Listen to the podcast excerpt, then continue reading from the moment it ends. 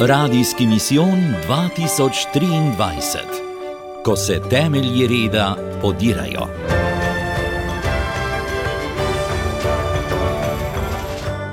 Peti dan. Bog, ovira ali izvor naše svobode. Skoraj polovica let mojega življenja je stran od mojega največjega greha. Splav, umor svojega otroka. Takrat seveda tega nisem dojemala tako, nisem si pustila razumeti te resnice. Verjela sem, saj na površini laži, to je le skupek celic.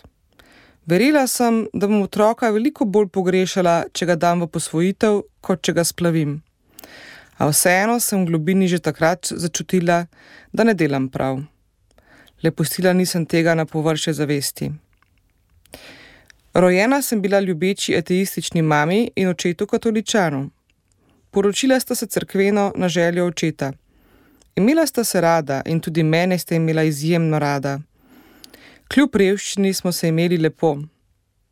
Ko sta bila starša v službi, sem veliko časa preživela s staro mamo, očetovo mamo.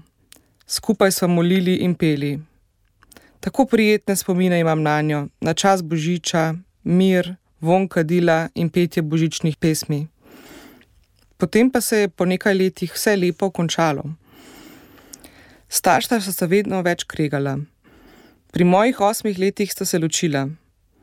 Mati je, noseča z mojo sestro, imela vsega dovolj in ucelili sva se njenim staršem. Kljub mojim prošnjam Bogu, starša nista šla nikoli več skupaj ateizem mamine družine in kasneje tudi prepoved udeležbe pri verouku, pa je dokončno zatrl mojo vero.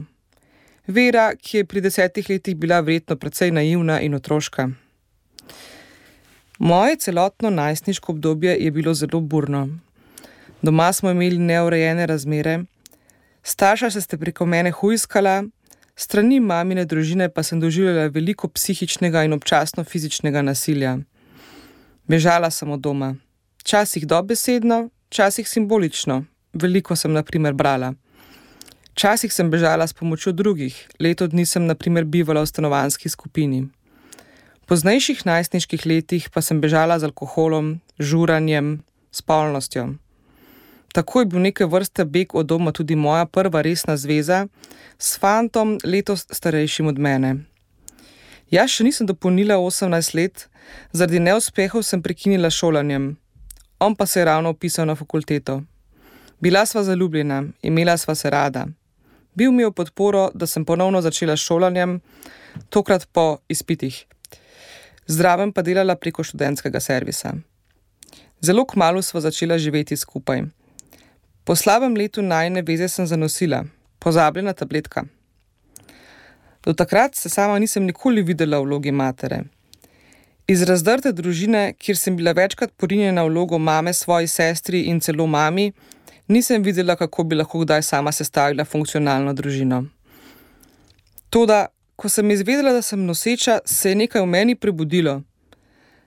Takrat sem bila prepričana, da so to le zgolj hormoni, morda res, a vse v meni je želelo zaščititi to novo življenje. Čeprav je bila tudi moja prva misel splav, sem se zaradi teh občutkov začela razmišljati o oddaji otroka v posvojitev. Ker pa sva bila s fantom tako mlada in nesamostojna, so se seveda opletli njegovi starši. Prepričali so me, da bom otroka veliko bolj pogrešala, če ga rodim in na to oddam, kot pa če ga splavim, saj tako malo ne bom več vedela, da je sploh obstajal. In seveda, zdaj še ni otrok, to je le skupek celic. Ta laž, ki se marsikje ponavlja in ponavlja, čeprav znanost sama priznava za začetek življenja spočetje. Prepričali so me, jaz pa sem se pustila prepričati. Čustveno, šipka, ne samozavestna in brez vere, kot sem bila, to niti ni bilo težko. Pred samim splavom sem otopela. Probotsko sem vzela prvo tabletko, sploh se ne spomnim tistih dveh dni do odhoda nazaj na kliniko po drugo tabletko. Spomnim se podpisovanja obrazcev in nesramnosti medicinske sestre. Spomnim se bolečin, hudih bolečin, kljub zgodni nosečnosti. Šele kasneje sem izvedela, da so to pravzaprav bolečine porodnih popadkov.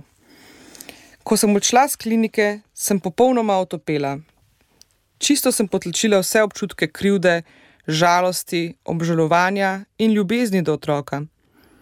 Po noči sem se zbudila zaradi hudih bolečin in močnega krvavenja. Vse to je normalno, so rekli, ko je fant klical na urgenco. Tako sem fizično trpela še nekaj dni, potem pa je bilo tudi to za mano. Čas, da ta spomin zakopljem nekam globoko, globoko, globoko v podzavest. Najraje bi ga izbrisala. A ne gre tako. Nihče ne omenja posledic splava. Tudi na obrazcu za privolitev za umetno prekinitev nosečnosti omenijo le nekaj možnih fizičnih posledic, še to ne vseh. O psiholoških posledicah pa seveda ne duha, ne sluha. O tem se ne govori, to ne obstaja. A realnost mnogih žensk je drugačna. In tudi z mano je bilo tako. Uspešno, saj tako sem mislila, sem za nekaj časa zakopala svoje občutke. Toda že kako leto ali dve po splavu se je prvič pokazalo, kako zelo hude so posledice splava. Med gledanjem filma Krožna cesta Revolutionary Road v kinu sem doživela hud paničen napad, ko je Kate Winslet v glavni vlogi sama sebi naredila splav.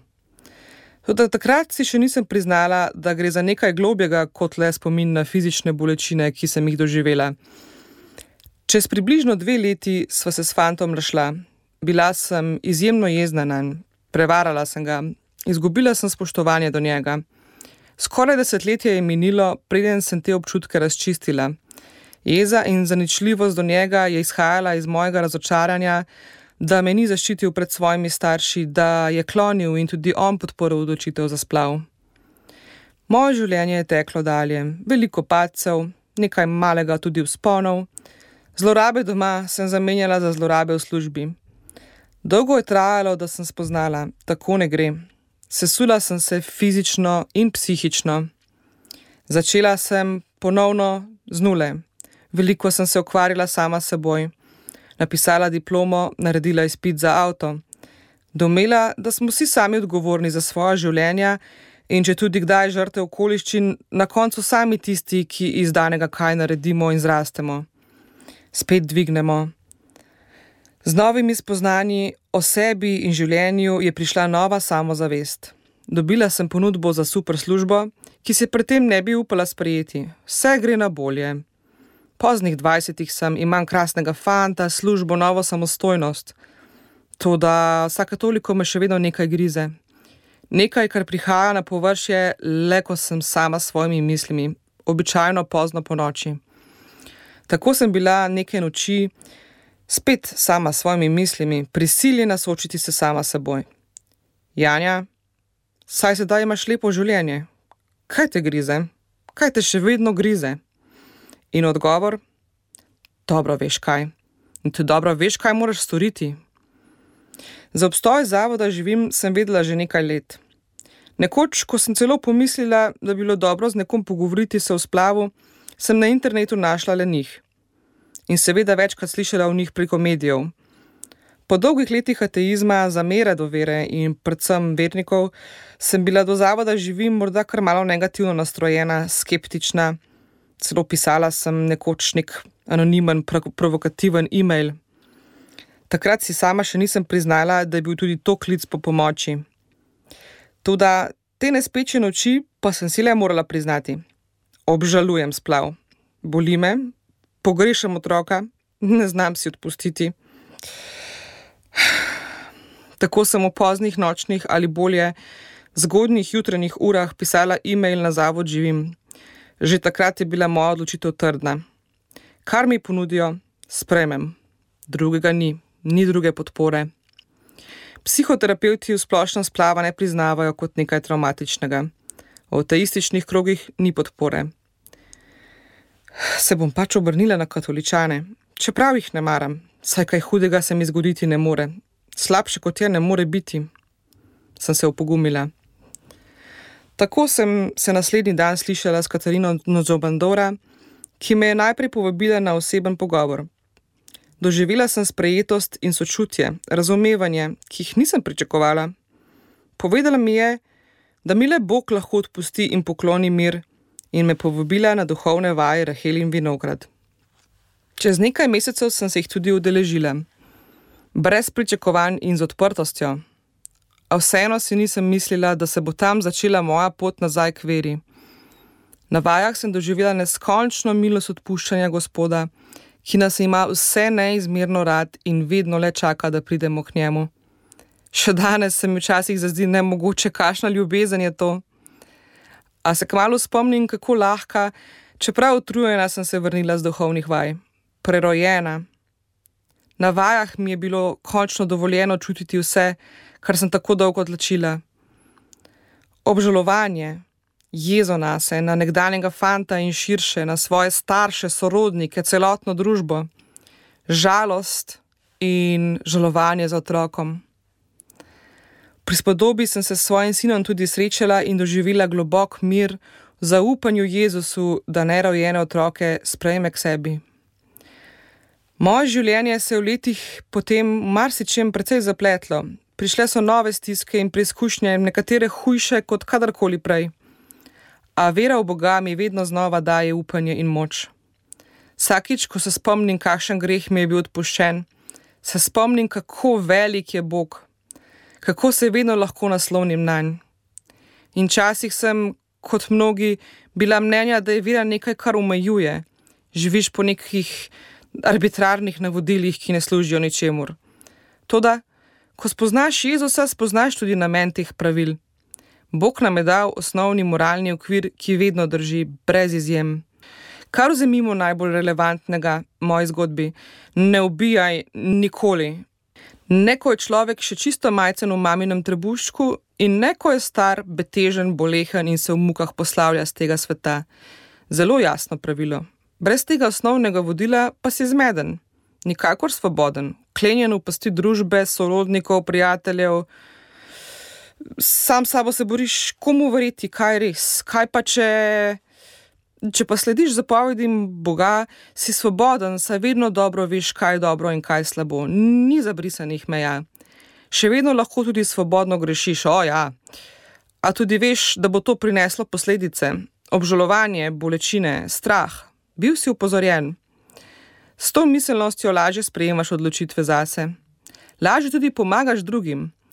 Ne glede na to, kako globoko svet zabrede in priznajmo si, svet je v moralnem rasulu, ti vedno veš, kakšna je resnica in zato stojiš na trdnih tleh, tudi ko se vse okoli tebe trese.